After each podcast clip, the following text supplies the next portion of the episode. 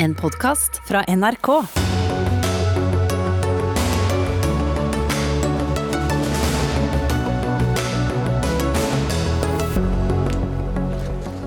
La stedene som har størst smittetrykk komme først i vaksinekøen, sier Oslos byrådsleder, og møter helseminister Bent Høie til debatt. Pinlig lite. Landet trenger et regjeringsskifte for å bli grønnere, mener Arbeiderpartiet. Opposisjonen, og ikke bare Ap, reagerer på klimaplanen som regjeringen så stolt viste frem i dag. I USA har demokratene begynt arbeidet med å få stilt president Donald Trump for riksrett etter stormingen av Kongressen. Og på Voss kjemper ordføreren for en ny E16 mot Bergen, og mener liv og helse er viktigere enn teoretiske utregninger om samfunnsnytte. Vil Knut Arild Hareide lytte på det øret? Velkommen, dette er Dagsnytt 18 i NRK P2 og på NRK1 i dag med Ugo Fermariello i studio. I dag fikk vi vite at Norge får 3,6 millioner ekstra doser av Biontech Pfizer-vaksinen, mot covid-19 og koronaviruset altså. Og nå nettopp ble det kjent at vi også vil kunne få to millioner doser, altså til én million mennesker, av den fra AstraZeneca, når og hvis den blir godkjent.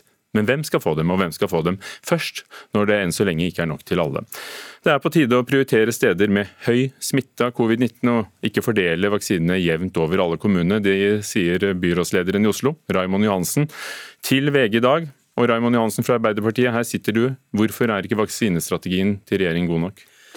For først har jeg lyst til å si at det er helt fantastisk gode nyheter. At vi nå får tilgang på mange flere vaksiner. Ja, men enn så lenge hele... er den ikke godkjent, og det tar tid før det er til alle. Ja, og det er fantastisk. Så du må prioritere alle... hardt fortsatt? Det, det, må man, eh, men det er i hvert fall et lys i tunnelen som sier at eh, det rykker stadig nærmere at vi får vaksinert hele befolkningen. Og det er jo målet. Eh, det jeg har tatt til orde for, er at vi bør ha en fordeling i tillegg til den geografiske, hvor vi også ser på steder med det høyeste smittetrykket. Og Det kan være mindre kommuner, og det kan være store kommuner som Oslo.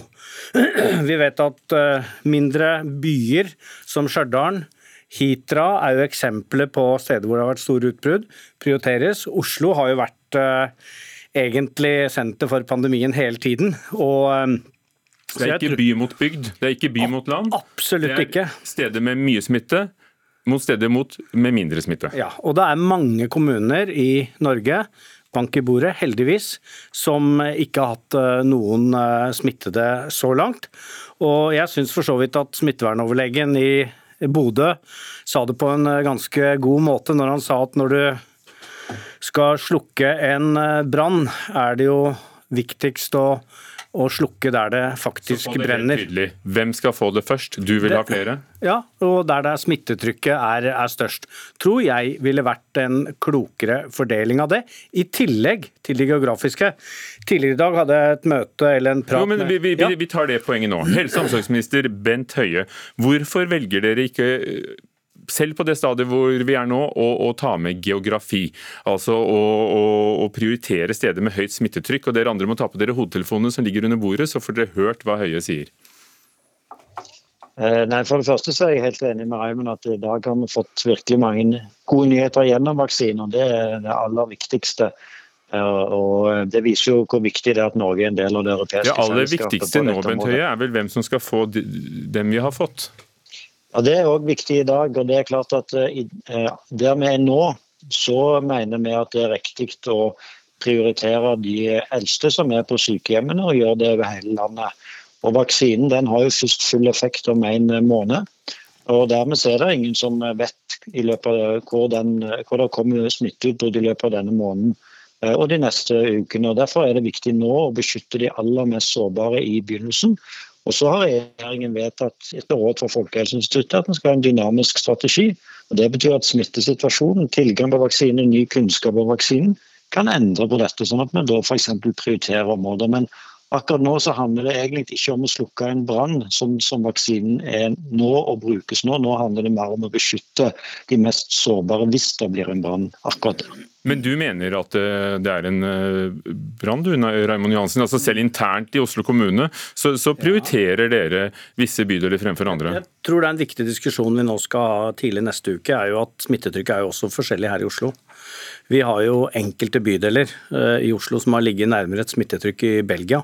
Og så har vi andre områder hvor uh, smittetrykket er langt lavere. Og Det er jo også for å kunne både beskytte og En del av hensikten med at vi er såpass strenge tiltak her, er jo for å ikke overbelaste helsevesenet. Og er vi i områder hvor vi vet smittefaren er stor, så er også potensialet for at dette kan belaste sykehusene, spesialisthelsetjenesten ytterligere. Det er derfor vi mener at det nå, og ingen er i tvil om at det er de aller eldste som skal vaksineres først, men at vi også kan se mer geografisk på det, sånn at vi sakte, men sikkert eh, kan starte å åpne opp igjen. For det vi ser av, mobilitets, av, mobilitetsdataene, er jo at folk ikke nå beveger seg så mye utenfor bydelene. Så det kan jo bare for Oslos vedkommende ha en stor effekt å faktisk kunne vaksinere målrettet i de bydelene hvor smittetrykket er størst. Bent Høie, også Folkehelseinstituttets eh, utvalg som kom med forslag til prioriteringer, anbefalte å vurdere geografi når vi var i den fasen som heter da 2A, delvis kontroll. og Det må vi vel si at vi er nå. Hvor det bl.a. er eh, snakk om å unngå kollektivtrafikk, unngå innenlandsreiser og alt det du har vært med på å anbefale. Ja, og Derfor slutter regjeringen seg 100% til Folkehelseinstituttets anbefaling og strategi. og Det betyr at eh, Folkehelseinstituttet vil kontinuerlig vurdere smittesituasjonen. og Hvis de mener at smittesituasjonen i Norge sånt, uh, endrer seg sånn at en òg bør legge vekt på smittesituasjonen, men fordele vaksinen, så vil regjeringen veldig raskt kunne respondere på det. Men uh, jeg oppfatter ikke at Folkehelseinstituttet har gitt oss et sånt råd, sånn som situasjonen er nå. Men det, men, men det kan vi høre med dem helt direkte her. Uh, Geir Bukholm fra Folkehelseinstituttet, er vi ikke der at geografi bør vurderes som kriterium for prioritering ennå? Først og fremst vil jo vi si at eh, Det aller viktigste her det er å hindre at folk blir alvorlig syke, og, og hindre risiko for død. Det er det viktigste. Og De som er eldst og de som har underliggende sykdom, de har en faktor som er veldig mye høyere enn akkurat den regionale faktoren. Så er det jo sånn at Når det gjelder regional prioritering, så inntrer jo den, altså fordelen med den inntrer når det er store regionale forskjeller. Og Den forsterkes jo også i de områdene hvor det er stor risiko for spredning av, av sykdommen. Vi vurderer dette kontinuerlig. Vi tenker nok at slik smittesituasjonen er akkurat nå, så ser vi ikke at det er grunnlag for å gå inn på en, på en regional uh, prioritering. Men vi, vi, ser at hvis smittesituasjonen kommer ut av kontroll og, og uh, smittesituasjonen blir mye mer alvorlig enn den er nå, så, så, må dette vurderes. Så dette er ting vi vurderer hele tiden. Og så er det én ting til som er ganske viktig her, og som vi har snakket om mange ganger før. og det er at Vi er fremdeles ganske usikre på den smitte altså smittehemmende eh, effekten av vaksinene. Hvis vi hadde vært trygge på den, så hadde den vurderingen vært helt annerledes slik den er nå. Men La oss flytte oss eh, nord i Finnmark, til eh, Berlevåg. Rolf Laustad, du er ordfører fra Arbeiderpartiet der. Dere har ingen påvist smitte. og ja, Hva vil du si til, til Oslo og til, til Folkehelseinstituttet og til statsråden? Nei, altså eh, Ja, god kveld fra Berlevåg, forresten. Eh, jeg er jo enig med det han Raymond sier. Altså, eh, man bør kanskje slukke brannen der brannen er. Og vi er en kommune som da siden mars i fjor ikke har hatt et smittetilfelle og har kjørt strenge tiltak. Vi, vi vil jo si at det er veldig greit også at eh, smitten blir brukt der, der eh, altså at vaksina blir brukt der smitten er størst. Sånn som i Oslo og de andre store byene, og de kommunene da, som har det. Så du kan gjerne gi fra deg de vaksinene som er tiltenkt dere? Ja, Gjerne og gjerne. Altså, vi tar selvfølgelig imot de vaksinene vi har, har fått, vi òg. Og de første fem-seks vaksinene er jo satt i Berlevåg til Eh, først en kommunelege og så til de eldre. Eh, vi ønsker jo også at eh, vårt helsepersonell er de første som, som blir vaksinert. Så Også der går dere på tvers av rådene, altså ved å gi det rett til, til legen i hvit kittel, selv om han ikke hadde det på bildet, ja. og ikke til gamle og syke? Jo, altså, ja, altså vi, vi, har et fåtall helsepersonell. Det er begrensa det vi har av ansatte innenfor den sektoren. Og Skulle det ut, komme smitte innenfor de ansatte, så står vi i en veldig alvorlig situasjon i Berlevåg. Det er ikke tvil om. Så, og, og Kommunelege og de som nå skal stå for denne vaksineringa, vil jo faktisk være borti alle 950 innbyggerne i Berlevåg i forbindelse med vaksinering etter hvert. Så jeg tror det er viktig at, at det helsepersonellet faktisk får vaksiner først. Sånn at de klarer å gjennomføre vaksinering av 950 mennesker. Men Raimond Johansen, det høres ikke som om myndighetene mener at, vi, at det er like alvorlig som du sier, og at det ville hjulpet på den måten du håper? Jeg har eh, veldig høy tillit til Folkehelseinstituttet og til eh, Bukholm og de andre og deres vurderinger. Og så er jeg glad for at også Bukholm og Folkehelseinstituttet åpner her for å se på geografi. fordi at i de Oslo, da, for å bruke det jeg kjenner aller best, så er jo de områdene hvor, smitte, eh, hvor eh, smittepresset er størst, er vi jo også mest utsatt for overbelastede helsetjenester. Så det finnes jo for så vidt eh, også av de grunner en god begrunnelse for å intensivere vaksinasjonen i akkurat de områdene. og Jeg er helt sikker på det finnes mange steder i, i Norge. Høie, det jo ikke, handler jo ikke bare om, eh, om det å, å, få immunitet. altså Det er helsetjenestene. Eh, det er vel også en større sjanse for å pådra seg viruset hvis du er et sted hvor det er mer av det? Ja, derfor er det også sånn at eh, på bakgrunn av råd fra Folkehelseinstituttet så endra regjeringen i romjulen. Sånn at nå vil det være en viss andel av vaksinen som også i begynnelsen brukes på helsepersonell. 20% av vaksinen som kommer til kommunene kan brukes til det. og Det er også satt av 15 000 eh, doser i, i sykehusene. Eh, og Det gikk eh, egentlig bare noen timer fra Folkehelseinstituttet ga det rådet til regjeringen slutta seg til. Og Det betyr som jeg hele veien har sagt, at vår vaksinasjonsstrategi den er dynamisk. Fordi vi er veldig tidlig fase. Og når strategien ble lagt, så visste vi mindre enn det vi vet i dag. Nå vet vi litt mer. Om noen uker vil vi vite enda mer, og da må vi kunne endre dette. og her er det men akkurat nå så handler det om å beskytte de mest eh, sårbare. I Berlevåg er det fantastisk at en ikke har hatt smitte til nå. Men det er veldig mange kommuner som har vært i Berlevåg sin situasjon. Og fra en dag til en annen så er de i en veldig krevende situasjon. Og mange små kommuner har òg opplevd bratt eh, økning i smitten. Og da er det selvfølgelig viktig at òg Berlevåg har fått beskytta noen av sine mest sårbare akkurat i denne fasen. Og Marit Hermansen, eh, president i Legeforeningen, du støtter selvfølgelig Berlevåg og mener at uh, over hele landet burde det være sånn, som dere har sagt før også, at helsepersonell står først i køen. Og nå gjentar dere budskapet. Hvorfor? Ja, Vi gjentar og forsterker. Eh, vi er veldig glad for den endringen i strategi som kom i romjula. Uh, og så sier jo også myndighetene selv at dette endrer seg raskt. Etter jul nå så planlegger myndighetene for en forverret smittesituasjon. Uh, R-tallet er på 1,3. Og da må vi bruke det tidsvinduet vi har nå, sånn at vi faktisk har helsetjenester og friskt helsepersonell når uh, denne bølgen som vi frykter kommer om noen uker. Så vi mener at den andelen som, som nå settes av til helsepersonell bør økes. For det vi hører fra kommunene og fra sykehusene, er at den andelen er ikke nok til å få vaksinert de som er ute, helsepersonell som står i front og er utsatt uh, for smitte. Det er av stor betydning at vi nå uh, forbereder oss for det som skal komme, og at vi har helsepersonell som ikke blir syke når vi trenger de som best. Bent Høie, hva sier du til Legeforeningen? Nei, Jeg forstår veldig godt Legeforeningen sitt innspill. og det er klart at uh, Dette er veldig vanskelige avveininger akkurat nå. For nå har vi mye mindre vaksine enn det vi ønsker. Så vil jo dette òg endre seg, både med tilgang på vaksiner og at vi får ulike typer vaks vaksiner. Uh, og Da vil òg disse prioriteringene kunne, kunne, endre seg. Men Legeforeningen mener at vi ville stått langt bedre rustet i helsevesenet foran eventuelt mer ny smitte hvis den vaksineringen skjer først. Ja, og Derfor så er det jo sånn at eh, kommunene og sykehusene nå kan vaksinere de som er mest utsatt eh, for eh, smitte og er mest kritisk. Men det er klart at vi har ingen vaksiner nå som ikke går på bekostning av noe andre. Det betyr at vi må hele veien ha den balansen mellom det å beskytte de aller mest sårbare på sykehjemmene våre, som nå er i første, første runde. Det er klart at de men, men la, la, oss stoppe der, Høie, for å få med svaret fra Marit Hermansen i Legeforeningen. Altså, Det vil gå på bekostning av noen andre. Eh, og eh, Er du rede til at sykepleiere, leger osv.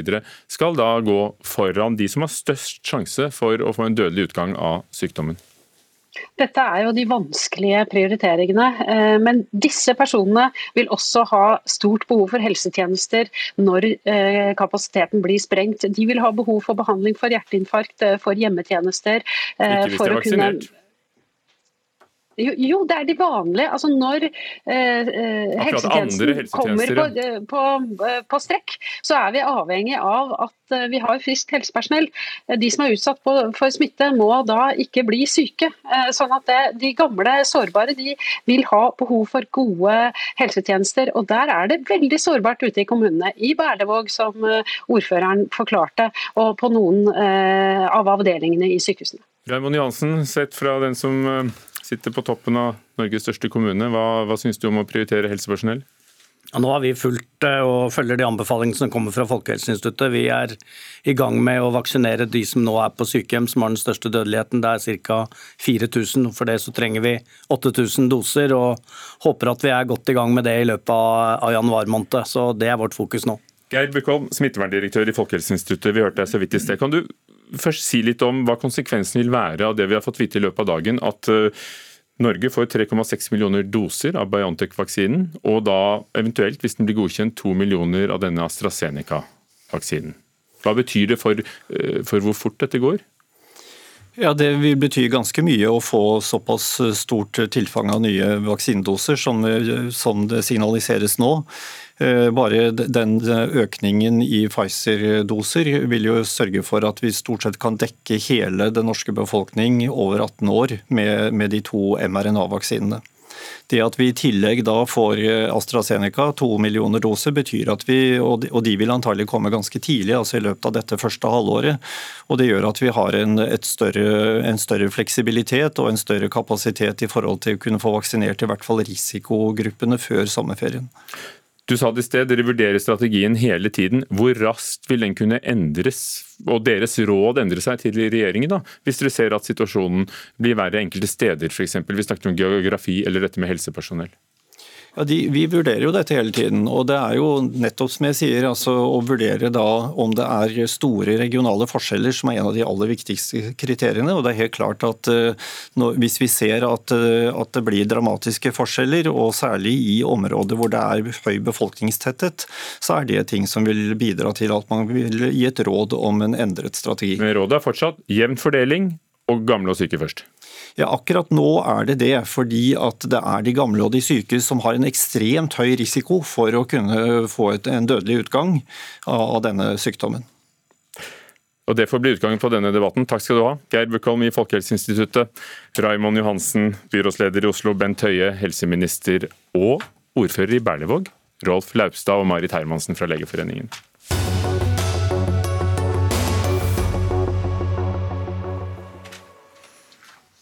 Donald Trump skal i hvert fall ikke delta i innsettelsen av Joe Biden som president, og vil han i det hele tatt bli sittende de tolv dagene til det skal skje. Nå har demokratene begynt arbeidet med å stille ham for riksrett, og vil eh, komme i gang med avstemninger i Kongressen. Alt dette etter stormen på kongressbygningen på Capitol Hill denne uken i Washington DC, USAs hovedstad, som sjokkerte en hel verden.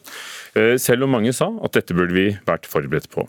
Veronica Westrin, vår korrespondent i Washington. Eh, Donald Trump eh, kom jo til slutt til det at maktovertagelsen ville skje. Han sa aldri at han hadde tapt valget, men at det ville bli en maktovertagelse 20.1. Eh, Hvorfor snudde han, i hvert fall da i denne meldingen? Det kom jo rapporter om at han har vært utsatt for et voldsomt press. Den siste tiden så har vi jo sett at to av hans regjeringsmedlemmer har trukket seg. Eh, til sammen har 13 av de nærmeste medarbeiderne gjort det. Mange vurderer også å gjøre det. Eh, og han skal ha blitt pressa til å legge ut denne videoen hvor han altså sier at, eh, at det vil være en fredelig overtagelse. Og hvis ikke så skal presset ha vært at flere ville ha forlatt ham, og ikke minst at han kom til å bli stilt for riksrett eller at man ville tatt i bruk dette 25. tillegget til Grunnloven som det har blitt snakka mye om her.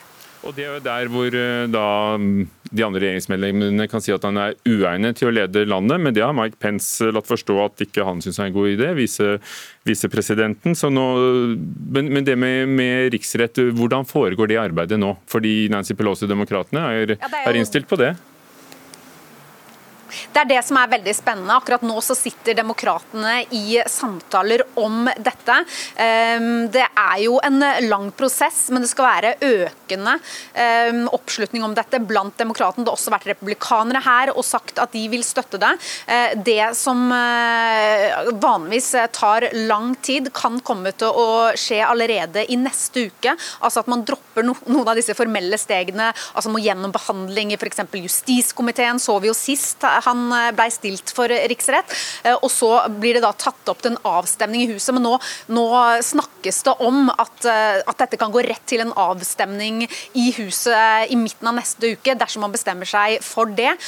Og så er jo prosessen da at den videre må sendes til Senatet, og der er det jo lite trolig at man faktisk vil stille han til riksrett. Der er det jo Mitch McConnell som er majoritetsleder, og, og, og det er også en lengre prosess. Og så er det store spørsmålet kan man stille han som, til, for riksrett etter etter at han har avgått som president. Vel, det strides de lærde om. Eh, men i tillegg så hører vi jo Nancy Pelosi nå nettopp kommer det melding om at hun har ringt den øverste ansvarlige for Forsvaret her, eh, fordi hun er bekymra for Trump og hva han kan finne på å iverksette angrep, og da for å hindre at han eh, setter i gang atomangrep. Så det er en stor bekymring her i Washington DC nå. Demokratene de jobber på spreng med hvordan de kan Eh, få Trump til å miste makt, eh, enten ved da å avsette ham eller ved å begrense den makten han innehar som president. Takk skal du ha, Veronica Westrin i, i Washington. Reidar Strisland, forfatter med, med fartstid i partiet Rødt. og som kjent så har du skrevet bok om Bernie Sanders, som var aktuell som kandidat eh, til presidentvalget, selv om han ikke ble det. Så nå sitter Joe Biden der med en stab og forbereder seg på å overta makten. Hva er hans største bekymringer nå? Uh, nei, det er jo på en måte å samle landet, da. Uh, nå er det et splitta land som, uh, som både er splitta pga. de store økonomiske forskjellene, men selvfølgelig også, som vi har sett de siste dagene, med, med Trump og hans sine, sine fans som, som følger etter han. Men, men, det jeg er spent på, sånn det ser ut nå, så, så gjør jo Joe Biden en del offensive ting. Blant annet så så har han lovt at alle amerikanere skal få 2000 dollar hver, som en del av en pakke som, for å stimulere økonomien og for å hjelpe, hjelpe amerikanere som, som, nå sliter med, med økonomien som følge av korona. Eh, så det er en måte å få, få eh, ja, samle landet på. der. Folk som, folk som sliter veldig økonomisk. og F.eks. i denne Thomas Seltzer-serien som, som, vi så nå før, før valget, så så var det jo familiemedlemmer av Seltzer som, eh, som priser seg lykkelig over 20 kroners økning i, i, i trygdeordningene som følge av eh, Donald Trump. Så hvis de får 2000 dollar fra Joe Biden, så, så er nok det langt mer samlende. da. Jan Arild Snoen, skribent i Minerva og, og, forfatter av en uh, ganske fersk bok om Donald Trump. Uh, er det de 2000 dollarene som vil lege sårene, eller hva kan Joe Biden gjøre for å lege det som ser ut, og som mange sier er en splittelse i USA? Nei, altså Det kan nok godt hende at det blir mer kontantstøtte, og det hjelper noen, men det er ikke det det handler om når landet skal samles. Det er at det republikanske partiet må de må isolere eh, trumpistene, og så må Biden rekke ut en hånd til de andre. Han vil jo da si at han rekker ut hånden til alle replikanere. Dette har for så vidt vært Bidens linje i hele valgkampen også. Eh, men det er jo mange av dem som ikke vil ta den hånden uansett. Eh, så jeg tror mer på det retoriske planet så vil det være dette. Så kommer vi en ny administrasjon på plass. Der har eh, Biden stort sett eh, valgt eh, moderate folk, altså folk som Bernie Sanders ikke liker, med noen unntak. Så, så administrasjonen er egentlig egnet til dette. Å ikke kjøre politikken for langt ut, sånn som mange i hans parti ønsker, men mer i midten, sånn som kan hjelpe, etter min mening, da, til å, til å normalisere amerikansk politikk. Og til og med da få med seg republikanere, da, når ja, noen, lovforslag kommer på bordet som krever et større flertall enn det de har. Ja, for det er jo riktig at selv om, eh, om Biden nå har et veldig knapt flertall, altså 50 pluss eh, Kamala Harris, så er i lovforslag så, så trenger du 60 pga. denne filibusterordningen, som for så vidt er også under angrep. Men, men, den er jo laget nettopp for at du ikke skal ha sånne veldig brå fra den ene ytterlighet til den andre, men for å søke kompromisser. Hjelp oss eh, to ord, Hvordan fungerer den filibusterordningen når du Nei, det, den, betyr at du for en del altså lovsaker og en del andre ting, så, så må du ha 60 senatorer bak deg av de 100. Eh, og Det betyr jo at siden republikanere vil ha, vil ha 50, og demokratene har 50, så må du ha 10. Og Hvis Biden da legger politikken mot uh, midten, Reidar Strisland, da blir vel ikke tilhengere av din mann Bernie Sanders særlig fornøyd? Da, da, vil du vel få en kamp internt hos demokratene? Ja, og det kommer definitivt til å bli mange kamper internt i demokratene framover. Og et av hovedproblemene til Joe Biden og, og til de konservative demokratene, det er at flertallet i befolkninga eh, som helhet eh, støtter f.eks. denne Green New Deal, eh, som handler om å skape nye arbeidsplasser og bekjempe klimaproblemene på en gang. Eh, som, eh, som, jo viste seg også å være en veldig god løsning på, eh, på krisa rundt andre verdenskrig, da, hvor, hvor Roosevelt New Deal, altså. New Deal, ikke sant? Og nå er det grønn New Deal. Nei, det er grønn New Deal. Og, og det å eh, kjøre på med samme type stimulering av økonomien for å skape nye arbeidsplasser og, og nye muligheter for amerikanerne, samtidig som man kutter utslipp, eh, det er win-win. Eh, så når eh, venstresida i Demokratene og, og, de som støtter denne politikken, løfter det fram, eh, så blir det vanskelig også for Joe Biden og de mer konservative, konservative demokratene å stå imot det. Kan en ny grønn deal slå an hos noen republikanere òg? Det er alltid populært å love mer penger til alt. Eh, og I sånn, den forstand så, så har Strisland lett til at det er mange som er for dette, men det er ingen som vil betale for det. Eh, det er bare sånn denne illusjonen som er veldig utbredt på, på venstresida, men også deler av høyresiden, at du kan få masse gratis. Eh, og for venstresida bare de rike betaler. Dette vil ikke kunne gjennomføres eh, i den og Biden har heller ikke gått til valg på de mest omfattende varianter, men du vil få politikk i den retningen, det vil du. Og det vil skje også, Du vil få økte skatter også i den retningen, men ikke så langt som Sanders og Warren vil, men det går i den retningen. Og jeg tror at Mange i Det demokratiske partiet, også på venstresida, vil være fornøyd med retningen, og så vil de mase for mer. og Der vil dette spillet stå. Og så vil det være noen skarpere konflikter om andre ting. Ja, Det viser seg jo spesielt med Green New Deal. da, så, så, gikk jo ikke Joe Biden egentlig til valg på noen radikal miljøpolitikk. Men eh, som følge av presset bl.a. fra Bernie Sanders og fra venstresiden i Demokratene, så eh, kom han i sommer med en pakke som eh, ligner mer på, New Deal, eh, på Green New Deal, og som, eh, som, var langt mer offensiv i hvor mye penger man skal bruke på investeringer i infrastrukturen. Vil demokratene, tror du også ute på venstresiden, være lojale mot Biden hvis han strekker seg mot sentrum da, for å få med seg republikanske stemmer når det trengs?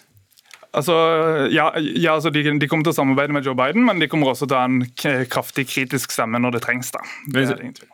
men si oss, uh, Demokratene beveger seg mot avstemning om uh, riksrett i Kongressen, som vi hørte. Hva tror dere vil skje? Jan Arild Snoen? Jeg tror demokratene kommer til å gå inn for det i huset. Uh, mest for en sånn altså, symbolsk sak. Jeg tror ikke så mye på dette altså de siste dagene at, øh, at, han skal lage noe atomkrig eller noe sånt, men jeg tror heller ikke at det blir vedtatt i, i Senatet altså to-tre dager før han uansett er ute. Det tror jeg ikke noe på. Handler det om å vise motstand fra Kongressen? Ja, det gjør det, men, øh, men også nå som Trump uh, har sagt at han går av, så, så har situasjonen endret seg litt. Så det kommer nok ikke til å bli noe riksrett. Takk skal dere ha. Reidar Strisland og Jan Arild Snoen. Vebjørn Selbekk, sjefredaktør i avisen Dagen. Ja, Hva tror du, blir det riksrett? Nei, jeg tror ikke det heller. Jeg tror at eh, Det er for, for kort tid igjen. Hadde det vært noe lengre tid, så, så måtte det ha blitt gjort et eller annet, men uh, nå renner tiden ut. New York Times sier på lederplass i dag at, eh, at, Kongressen må gjøre det. De må vise motstand. At de kan ikke godta å bli stormet. Og du skriver i Dagen på lederplass at uh, Norske kristne må vise motstand. Det trengs et oppgjør med dette livsfarlige, destruktive, udemokratiske tankegodset i norsk kristenhet. Hva legger du i det? Ja, utgangspunktet mitt er jo det at uh, i, i, Norge så er jo trumpismen i stor grad et uh, kristent fenomen. Altså I USA så er dette her mye bredere, men hvis vi ser på Norge, så har jo ikke Trump hatt noe særlig støtte i det politiske miljøet. Heller ikke kan du si, helt eh, på høyresida i Fremskrittspartiet. Eh, men, men, i en del, ikke, selvfølgelig ikke alt, selvfølgelig ikke noe flertall, men i en del av Kristen-Norge eh, har støtta Trump helhjerta nå gjennom fire år. Og når vi nå ser hvor dette her ender, så er det kjempeviktig at man eh, snakker eh, rett fra levra og tar et oppgjør med denne typen konspirasjonsteorier, hat, splittende retorikk, polarisering, som, som, Trump har drevet på med, og som enkelte norske kristenledere har vært med og spredd til sine tilhengere. Thomas Molte, nestleder i partiet De kristne, tidligere byråd for KrF i, i Bergen. Du har i flere sammenhenger støttet Donald Trump og, og politikken hans. Og, og hva synes du om Selbecks oppfordring? Ja, jeg eh, har jo stor respekt for Selbekk i, i, mange sammenhenger. Jeg eh, setter pris på mye av det han sier og det han skriver. Men her bommer jo Selbekk fullstendig, og, og, det er en grei sak. Det gjør folk med jevne mellomrom, også sjefsredaktører. Verden er litt større enn Norge, eh, og det tror jeg vi må få lov å kunne tenke og være fri til å mene. Eh, sånn at Det er ikke bare sånn at eh, det flertallet i Norge mener, alltid er rett. Og Donald Trump har levert veldig mye god politikk, og jeg sier det at det er ikke, spørsmålet er ikke først og fremst Donald Trump eller ikke Donald Trump. Spørsmålet er den eh, politikken som eh, republikanerne leverer, og Donald Trump har klart å gjennomføre.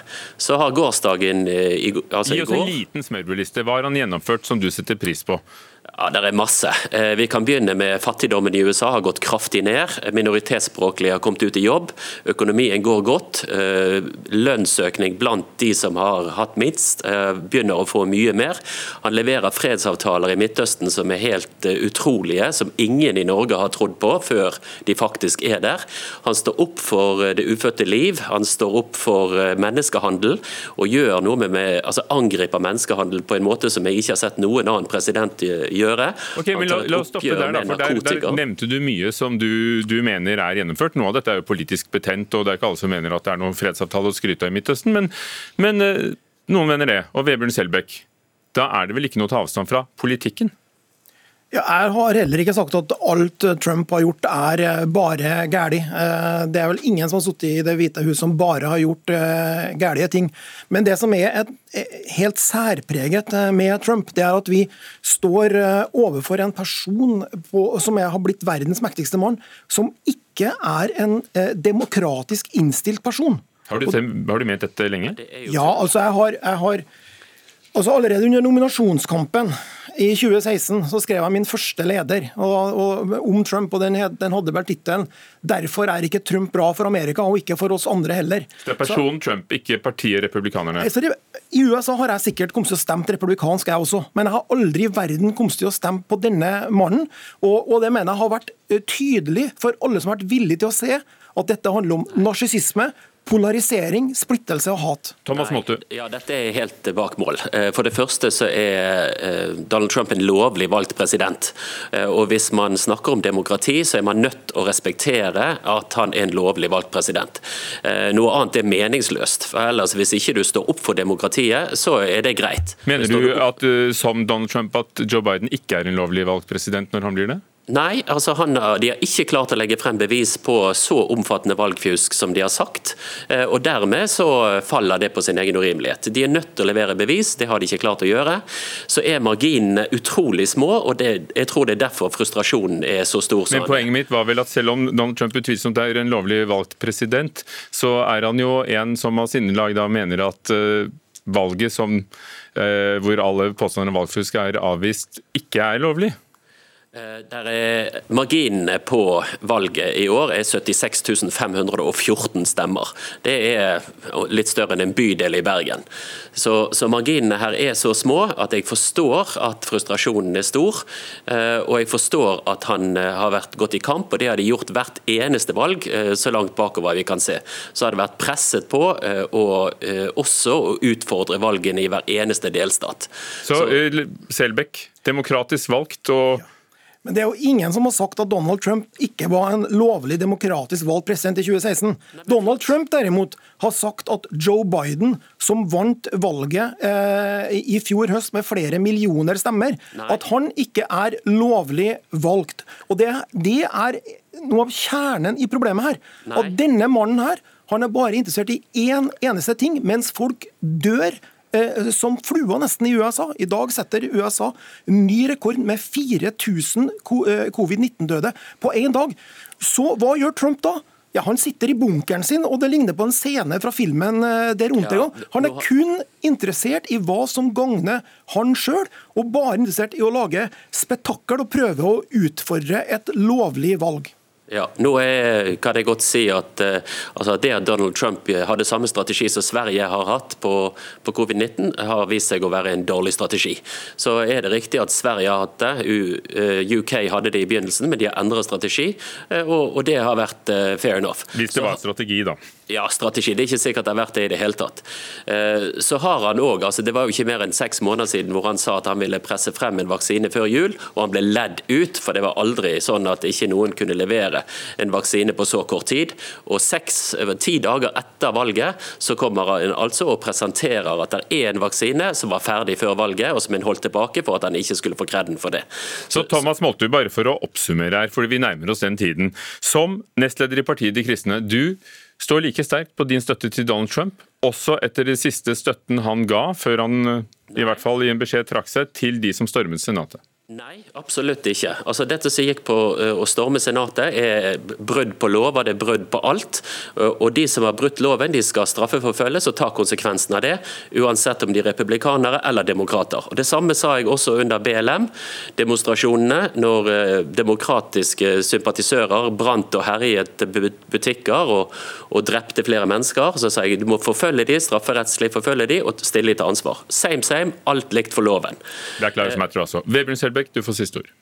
Ja, det, det, som skjedde eh, på onsdag, er eh, Donald Trumps ansvar, og det bør ikke støttes av noen. Nei, Takk skal dere ha, begge to.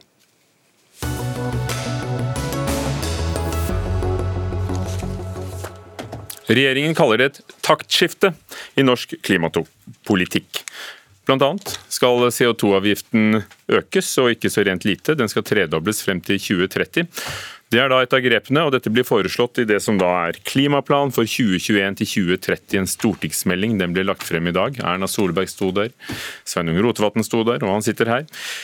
Regjeringen vil kutte utslippene med 45% på ti år, og CO2-avgiften altså fra 590 til 2000 kroner per tonn. Sveinung Rotevatn, klima- og miljøminister fra Venstre og nestleder i det samme partiet. Hvor forpliktende er denne planen, for du sier at det er det nye, dette er klare forpliktelser? Dette er den mest detaljerte, ambisiøse og forpliktende klimameldinga Norge noensinne har fått. Eh, og den forplikter ikke bare langt fram i tid. For Det er ikke sikkert at vi nå skal sette et mål om ti år og se om vi når det. Vi skal ha mål hvert eneste år de neste ti åra. 2022, 2023 osv. Et utslippsbudsjett.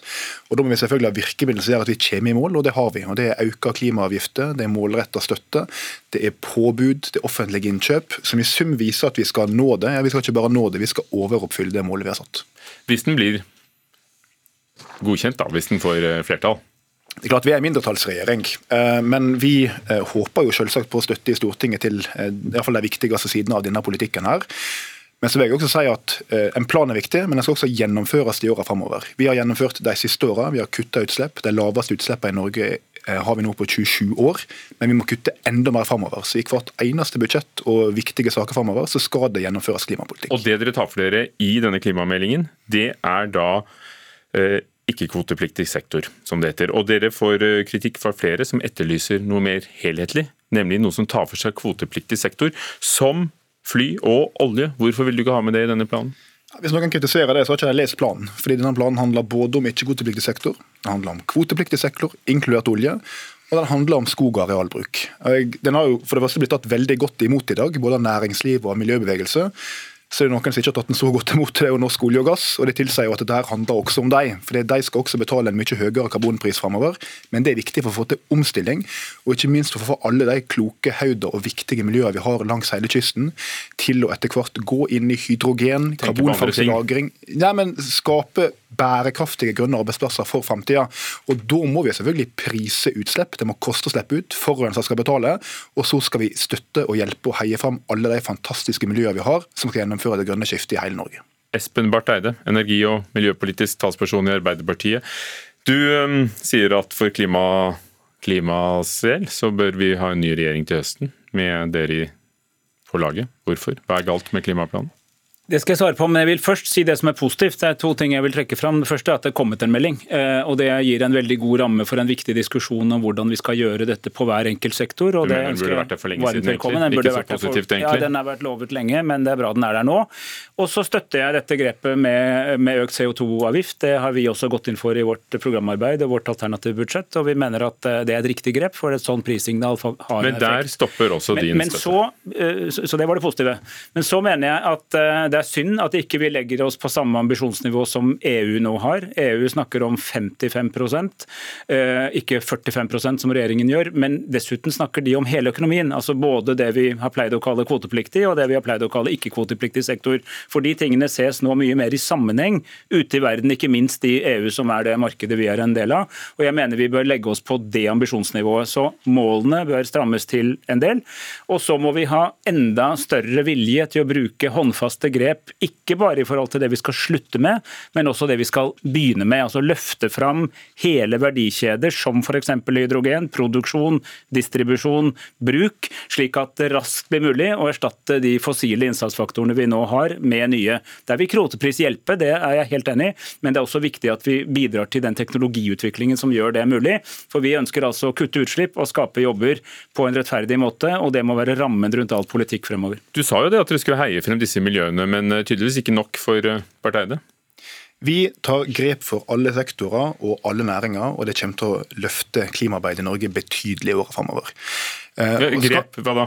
Nei, vi skal uh, Ja, altså, jeg skjønner du har noen hundre sider foran deg, men uh, ta noen punkter. Dette er punkter. 200 sider med god klimapolitikk. Det handler om uh, anbudskrav til busser, til uh, ferje, hurtigbåter, det handler om CO2-avgift, det handler om støtte. Og så kan vi gjerne diskutere mål, men altså, jeg må jo si at altså, vi skjerpet det norske klimamålet for ett år siden. Før vi gjorde det, så nekta Arbeiderpartiet å si hva de mente klimamålet burde være. Men nå Så mener de at de er på linje med EU, Ja, og, og det er 55% her er det 45 Ja, og Så kom vi med et mål, og da sa de at det var bra. Og nå vil de plutselig et nytt mål igjen. Men det er ikke bare sikkert du kan sette nye nye mål, du må ha tiltak som tar oss dit. Og når vi nå setter en CO2-pris som er høyere enn det Arbeiderpartiet har gått inn for, så blir det rart å høre at det var enda høyere mål. Det er jo virkemidler det må ha. Og vi har virkemidler på plass, slik at vi ikke bare skal snakke om klimamål, men vi skal nå dem. Og det er det som er essensen i denne planen. Eh, nå er det veldig viktig at vi, altså vi har gått inn i et klimasamarbeid med EU. Da vi gjorde det, så hadde vi de samme målene som EU da hadde. Nå har EU strammet til, og vi skal altså oppfylle dette i fellesskap med EU. Det er det naturlig å legge seg på det nivået EU landet på. Lenge var det uklart, nå vet vi det. Det er 55 for hele økonomien. Altså både kvotepliktig, ikke-kvotepliktig sektor. Og vi var okay. altså Jon Georg Dale, miljøpolitisk talsperson fra Frp. Ja, CO2-avgiften øker. Arbeiderpartiet er fornøyd. Det er ikke du. Nei, og det er jo det som er problemet nå, når Arbeiderpartiet forsøker å overby det som regjeringa allerede har levert. Fordi Det som vi reelt sett står i fare for, basert på to grep som regjeringa nå foreslår. Det ene er å øke, øke CO2-avgifta, det andre er å ikke bruke kvotefleksibilitet. Så medfører det at norske industriarbeidsplasser, norske arbeidsplasser i fiskeri, i olje og gass, prises høyere. Og produksjonen blir mindre lønnsom i Norge uten at andre land gjør det samme. Det betyr at når Sveinung Rotevatn er glad for at det blir dyrere å utvinne olje i Norge, så kan en del av oljeproduksjonen flyttes til sjeikene i Midtøsten. De blir rikere, Norge blir fattigere utslippene blir de samme. Hjelper ingenting. Det andre vil vi se i flere andre bransjer som nå får økte eh, kostnader. Det er at dette ikke kan overlempes. Det betyr at arbeidsplasser i Norge blir mindre konkurransedyktige. Og Den situasjonen vi står i nå, er jo at de to andre her i studio kjempes jo om å gjøre grep. Så det sier at Vi skal skape nye arbeidsplasser. Det er jeg også for. Det er veldig bra å skape nye arbeidsplasser. Men vi kan ikke ofre de vi har på veien. Og Det som regjeringa foreslår, og det som Arbeiderpartiet prøver å overby med, er konkrete forslag for å, som bidrar til at norske arbeidsplasser blir mindre lønnsomme på bekostning av arbeidsplasser i Europa, i Kina og India. Skjønner, Du skal få ordet, Rotevatn, men Espen Barth Eide, er dere i Arbeiderpartiet med på å dytte arbeidsplassene ut i Europa? Overho- Overhodet ikke. Jeg mener egentlig det stikk motsatte. Det er nå sånn at De markedene vi eksporterer til, det europeiske, etter hvert det amerikanske, internasjonale markedene nå er, etterspør mye lavere karbonfotavtrykk. Så det å være tidlig på den i å legge om produksjonen til noe som har lavere eh, avtrykk, er ikke bare bra for klimaet, det er også bra for lommebok og jobber. Fordi at det, Fremtiden er fornybar, sirkulær og bærekraftig. Eh, Og Det vet næringslivet. så her vil de få hjelp til å komme i gang med viktige grep. Det har vi historisk erfaring for. At vi nå har gjort ting som lønner seg i etterkant fordi vi var tidlig ute på sånne grep. Da er det enkle spørsmålet, Kan du garantere for at hvis der, disse avgiftsgrepene medfører at norske arbeidsplasser flyttes ut, så vil Arbeiderpartiet ikke gjennomføre dem? Vi ønsker jo også tiltak mot eh, såkalt karbonlekkasje, men du sa i stad at det kunne være karbonlekkasje fra, fra, norsk oljeproduksjon. Det kan det jo ikke, for Ekofisk ligger i Norge, ikke i Midtøsten. Johan Sverdrup ligger ja. her. Du kan men ikke nå... flytte den norske produksjonen til Midtøsten. Og hva dere den ligger gjøre? her, og den kommer fortsatt til å være lønnsom. Får vi jo vente til dere eventuelt sitter i regjering, da. Sveinung Rotevatn, du, du er der. Eh, er du ikke redd for arbeidsplasser kan bli dyttet ut av høye CO2-avgifter? Jeg tror ikke at det kommer til å skje, men det er fordi at vi har jo et nyansert syn på dette. her. Nå høres dette veldig som polarisert ut. Men altså, vi tåler å ha høyere klimaavgifter på de næringene som klarer å omstille seg og er konkurransedyktige. Og Det skal vi gjøre, det har vi gjort de siste åra, og det gjør at utslippene går ned. Eh, og så er det likevel ikke slik at vi skal øke det samla skatte- og avgiftstrykket på næringslivet. Og Der er jo vi og Frp enige. Vi skal ikke det. Vi skal ha gode konkurransevilkår. I motsetning til de rød-grønne så vil øke skatte- og avgiftstrykket med mange milliarder kroner netto. Men vi skal skifte skattetrykket. Vi skal ha mer avgifter på det vi ikke vil ha noe av, nemlig forurensning og klimagassutslipp. Og vi skal ha lavere skatte og avgifter på de som skaper verdier og arbeidsplasser. Slik at du i sum kan tjene gode penger på å strekke det litt lenger, lage nye løsninger, hydrogenferje, batteri, kutte utslippene på sokkelen. og Det er sånn vi når klimamålene våre. og Det er det denne planen viser at vi kommer til å klare i 2030. La oss gå inn på hva Miljøpartiet De Grønne mener. Chris Rokkan Iversen, du er nestleder i MDG. Hva er din reaksjon på klimameldingen? Dette er deres store sak. Ja, altså det er jo sånn at Jeg som alle andre miljøengasjerte nordmenn har venta lenge på denne meldinga. Eh, og jeg må jo dessverre si at jeg syns at det som er lagt på bordet i dag, er en skuffelse. Tiltakene er for få, ambisjonen er for lav. Planen kommer for sent, og den har heller ikke finansieringa på plass. Og Jeg har jo allerede vært inne på at hovedvirkemidlet ser ut til å være å øke CO2-avgifta. og Der er det jo litt sånn velkommen etter, for det har vi også foreslått i vårt alternative statsbudsjett. Men det er ikke nok å bare øke CO2-avgifta for å få til en nødvendig omstilling i alle sektorene som trenger det. Det blir litt som å lense en lekk sjark med et fingerbøll. Eh, og jeg tenker at Vi er nødt til å tørre å adressere den rosa elefanten i rommet. Det er jo det at vi er nødt til å fase ut olja. Eh, en liten økning i CO2-avgifter inn mot denne sektoren blir egentlig litt sånn meningsløs når vi vet at eh, regjeringa med stortingsflertallet også representert her, Eh, I sommer ga oljenæringa tidenes gavepakke for å fortsette langt inn i fremtida. Og Da blir det å komme med den CO2-avgifta som går inn mot den sektoren i dag, det blir litt som å pynte brura. Eh, over en fjerdedel av eh, Norges utslipp kommer fra oljesektoren. og Forbrenning av den olja som vi eksporterer og tjener penger på, gir globale klimagassutslipp som er ti ganger høyere enn det som er Norges det... nasjonale utslipp. Ingenting hvis ikke hele oljesektoren eh, fases ut som, som eh, gjør dere fornøyd med klimameldingen? Det er jo klart at uh, Isolert sett så er jo vi enige om at CO2-avgifta er et godt virkemiddel. Problemet her er at det ser ut til å være det eneste nye virkemidlet man kommer med, mens vi mener at det må ses i en mye større helhet. Og Jeg har også lyst til å legge til at vi vet at f.eks. CO2-avgifter knytta til eh, veitransport sannsynligvis vil utlignes med at man eh, skyver ned den eh, vei, veiavgifta eller veibruksavgifta. Så det blir litt som at Rotevatn og regjeringa prøver å bade uten å bli våt. Det ok, måte, bader du uten å bli våt? Allikevel. Altså, jeg, bruker, jeg, bruker, å bli våt når jeg uh, bader, uten at jeg er litt sikker. Jeg er ikke helt sikker på hva det bildet skal føre til. Men, men, uh, men uh, jeg, jeg synes for helt ærlig det virker som at her har MDG bestemt seg for å være uenige før de visste hva som sto i meldinga. Fordi det MDG her kaller en liten øke i CO2-avgifta, er altså øken opp til det samme nivået som MDG selv har foreslått, mm. nemlig 2000 kroner i 2030. Det må ha vært en grunn til det. Men i motsetning til MDG så er ikke vi for et nullvekstsamfunn. Vi skal ha grønn vekst, utnytte næringslivet vårt, grønne arbeidsplasser, og det får vi med denne meldinga. Ja, og Det er det som er sjokkerende nå. for Det Rotevatn nå bekrefter, er jo at både regjeringa, Høyre, Venstre, KrF og Arbeiderpartiet er enige om MDG sitt avgiftsnivå i klimapolitikken. Og det, for, Bare for et par år siden ville det vært helt uaktuelt av en grunn, nemlig at det vil gå utover norske arbeidsplasser. Nå er alle det for det. Det er en helt absurd Så hvem skal du få støtte fra når vi har hørt denne buketten her, Rotevatn, for å få gjennom denne meldingen som nå er sendt til Stortinget? Det er jo litt slik at disse ulike partiene på Stortinget har veldig ulike syn på disse tingene. For ikke snakke om Senterpartiet, som ikke er Men eh, vi kommer til å snakke med de ulike partiene. Vi ønsker flertall for politikken vår. Jeg håper at vi her kan skaffe norsk næringsliv og norske klimagassutslipp den langsiktigheten vi trenger. Vi skal kutte betydelig. Det blir krevende, men vi skal klare det. Jeg skal også kutte. Takk skal du ha. Sveinung Rotevatn, Jon Georg Dale, Espen Barth Eide og Chris Rokkan Iversen fra MDG. Ja, fordi nå er det Stortinget som får eh, klimameldingen på bordet i et år hvor vi går mot stortingsvalg. Politisk kommentator her i NRK, Magnus Takvam. Som vi hørte, det sentrale er eh, CO2-avgiften, hvor eh, den skal tredobles frem mot 2030, ifølge denne planen. Eh, var det et grep du ventet deg? det er mange som var overrasket over det. og Flere miljøorganisasjoner, Naturvernforbundet, Zero bl.a., er veldig fornøyd med at regjeringen foreslår dette. Og det er for øvrig i tråd med noen av de eh, anbefalingene, eller i hvert fall analysene som Klimakur hadde. Eh, Klimakur er jo den eh, katalogen av tiltak som, som er liksom grunnlagsmateriale for klimameldingen til Rotevatn som ble lagt fram i fjor.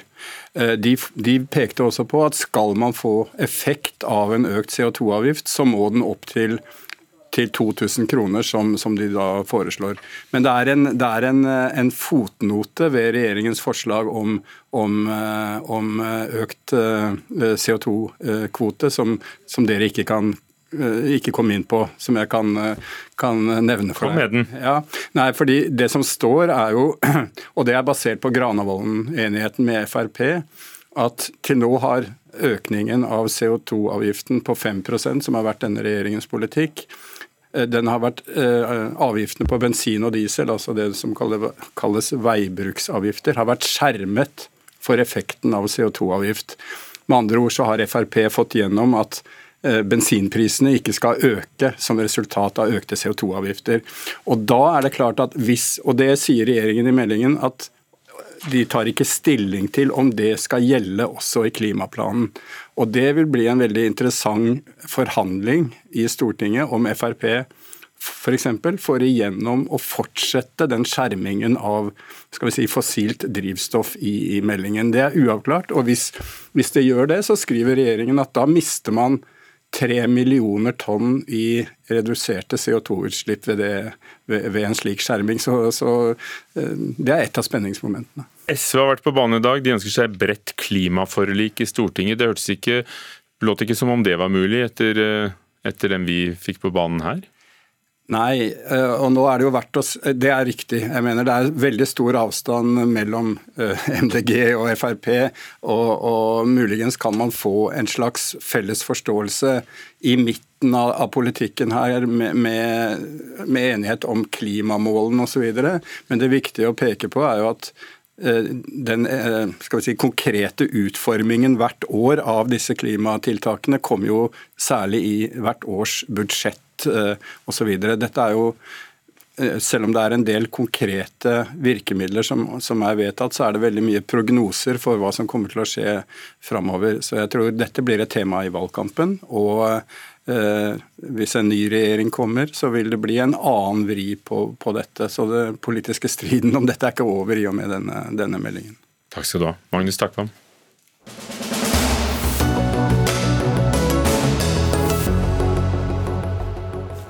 Det er ikke bare vaksiner som må prioriteres, også veier. Og det er en hard kamp om å havne øverst på Knut Arild Hareides liste over hvilke veier vi skal bygge. For hva er det som lønner seg? Er det å komme raskere frem, eller er det å, å spare menneskeliv og unngå frykt for ras? Utregninger viser at samfunnet taper på å bygge på nytt den rasutsatte E16 mellom Voss og Bergen selv om det er en del av hovedveien mellom hovedstaden og Bergen. Det har gått 200 ras der de siste 20 årene. Den har vært stemt til Norges verste vei, og det var store protester da prosjektet ble utsatt til 2024. Hans Erik Ringkjøp, ordfører i Voss herad for Arbeiderpartiet. Regnestykket viser at det ikke lønner seg. Er det regnestykket som er feil? Ja, det vil jeg si. At uh, her er det noen merkelige regnestykker som er ute og går. Uh, fordi at uh, Eh, jeg vil si at Det er helt innlysende at å eh, bygge ny vei og bane mellom, eh, mellom Voss og, og, Arna, nettopp fordi at det er så farlig å reise der. Det er rasutsatt, det er ulykkesutsatt. Og ja, Alle ser at det er dette som bør prioriteres. og Da blir det rart at en i samfunnsøkonomiske analyser ikke når opp og en får konklusjoner på at dette ikke er samfunnsnyttig. For det handler altså om denne veistubben som eh, foreløpig går eh, langs elver og, og fjordarmer eh, mellom Arna i Bergen til Voss. Og Knut Arild Hareide, hva er kriteriene som gjør at, at dette blir utsatt og, og kanskje ikke er øverst på din liste? Ja, Det spørsmålet skal ikke jeg svare på nå, for det skal vi si når vi kommer til nasjonal transportplan. Men det vi vet er jo at E16, det å gjøre noe der, det er det store behov for. Det sier ordførerne her tydelig, det er en rasutsatt vei. Vi er òg nødt til å gjøre noe med tunnelene der pga. tunnelforskriften som, som, EU har gitt. Så vi er nødt til å, å gjøre noe. Men Kan du sitte og se på at det er blitt utsatt i 2024 nå? Eh, vi har ikke gjort noen bestemmelse om når vi skal eh, utsette eller når vi går i gang. Det skal vi si når vi kommer til NTP. Men den debatten som ordføreren tar opp her, den synes jeg er viktig. Fordi at det å ha noen kriterier til hvordan vi vurderer prosjekt, det mener jeg er bra. Og det er jo da samfunnsøkonomisk lønnsomhet vi bruker, og samfunnsøkonomisk nytte. Men det sier jo ikke alt. Og Det er jo derfor vi har politikere. Det er jo ikke sånn at det er kun fagfolkene i Statens vegvesen som sitter og bestemmer hva prosjekt vi skal ha. Vi er nødt til å se den helheten. Og Der syns jeg at ordføreren eh, Voss kommer med gode perspektiv. Det vi vet om denne veien her, er jo at det har vært betydelig ulykkes, eh, mange ulykker på den. Heldigvis har det gått ned noe de siste åra. Men den følelsen å kjøre på en vei når det er usikkerhet knytta til skred, det er en stor, stor belastning.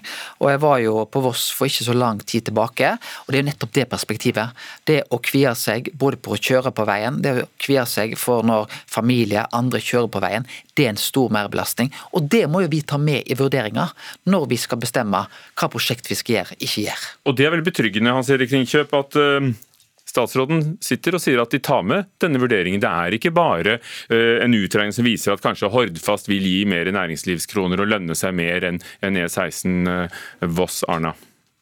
Nei, Det er jeg enig i. og det er, jo, eh, det er godt å høre at vi har en samferdselsminister som eh, ser de ulike sidene knyttet til da, å få på plass nye vei- og banestrekninger. Samtidig så eh, er det sånn at eh, Hareide og departementet denne gangen har sagt at eh, samfunnsnytte skal telle mer enn tidligere. Og Det er jo det, som blir påpekt, da, at det er et objektivt kriterium å forholde seg. Her har de regnet hva vil lønne seg, fordi det må prioriteres og det koster penger. Ja. Ja, det, det, er helt rett. Det, det må prioriteres, det koster penger. Men samtidig så må vi komme dit hen at folk må forstå de prioriteringene vi gjør. Og Da er det veldig viktig å ta omsyn til det som Hareide sier, at her er det en frykt. Her lever en med farlige vei- og banestrekninger hver eneste dag. Og da, eh, da, blir det rett og slett eh, umulig for folk å forstå at ikke det skal være samfunnsøkonomisk lønnsomt. Ta, altså det er jo kanskje det aller viktigste vi gjør som politikere, da, å trygge eh, våre innbyggere sin hverdag. og At de kan reise trygt til og fra jobb når de reiser mellom våre to største byer. Og Da tenker jeg at det skal være egentlig ganske enkelt å si at det vi må prioritere først, det er liv og helse. Eh, og Det kan ikke komme eh, lenger nede i forhold til at det er noen modell eller regnestykke som er viktigere for folk. Eh, altså, det er viktigere å, å komme frem i det hele tatt enn å komme litt raskere frem, Hareide? Ja, og det perspektivet forstår jeg. Eh, og Det er jo derfor jeg mener det har vært så bra at vi nå har fått en så stor satsing på samferdsel. Altså I løpet av de siste seks-sju årene nå så har vi hatt en dobling av og det gjør vi for Du forstår perspektivet, Hareide. Men betyr det at det er opp til, til deg og, og, dine kolleger i regjeringen å, å, å, bare ta det med på en god dag? Det, det, det er ikke noe kriterium i, i regnestykkene i, i når dere vurderer altså mange liv kan være spart, hvilken frykt er det, det er en hovedvei. Akkurat det som går på eh, trafikk, eh, liv i trafikken, det kan vi ta med. Men f.eks. det å ta med frykten for å kjøre på en sånn vei, det er et vanskeligere objektivt kriterium. Men det er jo derfor også, jeg tenker vi har politikere til å gjøre den mm. type vurderinger. Og det er å se et helhetsperspektiv. Men jeg syns det er bra å få med meg de samfunnsøkonomiske nyttevurderingene. Det er som du sier, det er objektive kriterier. Men når vi skal gjøre de endelige valgene, da må vi se en større helhet enn det. Og Dere på Voss er vel ikke helt blinde for at nye vei og dobbeltsporet jernbane til Bergen gir eh, vekst i turisme, næringsliv, skattekroner? Absolutt ikke. Eh, og det er jo, eh, det er jo viktige argument. og Vi blir jo på en måte dratt inn i denne her konkurransen om å være best med ikke sant? og skal vise hvor, hvor viktig det er for oss. Men Kjernen handler likevel om at vi må ta vare på de som skal reise på vei og bane. Dere, sånn takk skal dere ha, Hans Erik Rinkjøp og Knut Arild Hareide. Dette var Dagsnytt 18. Jarand Ree Mikkelsen var ansvarlig, Marianne Myhrvold teknisk ansvarlig. Du har hørt en podkast fra NRK. Hør flere podkaster og din NRK-kanal i appen NRK Radio.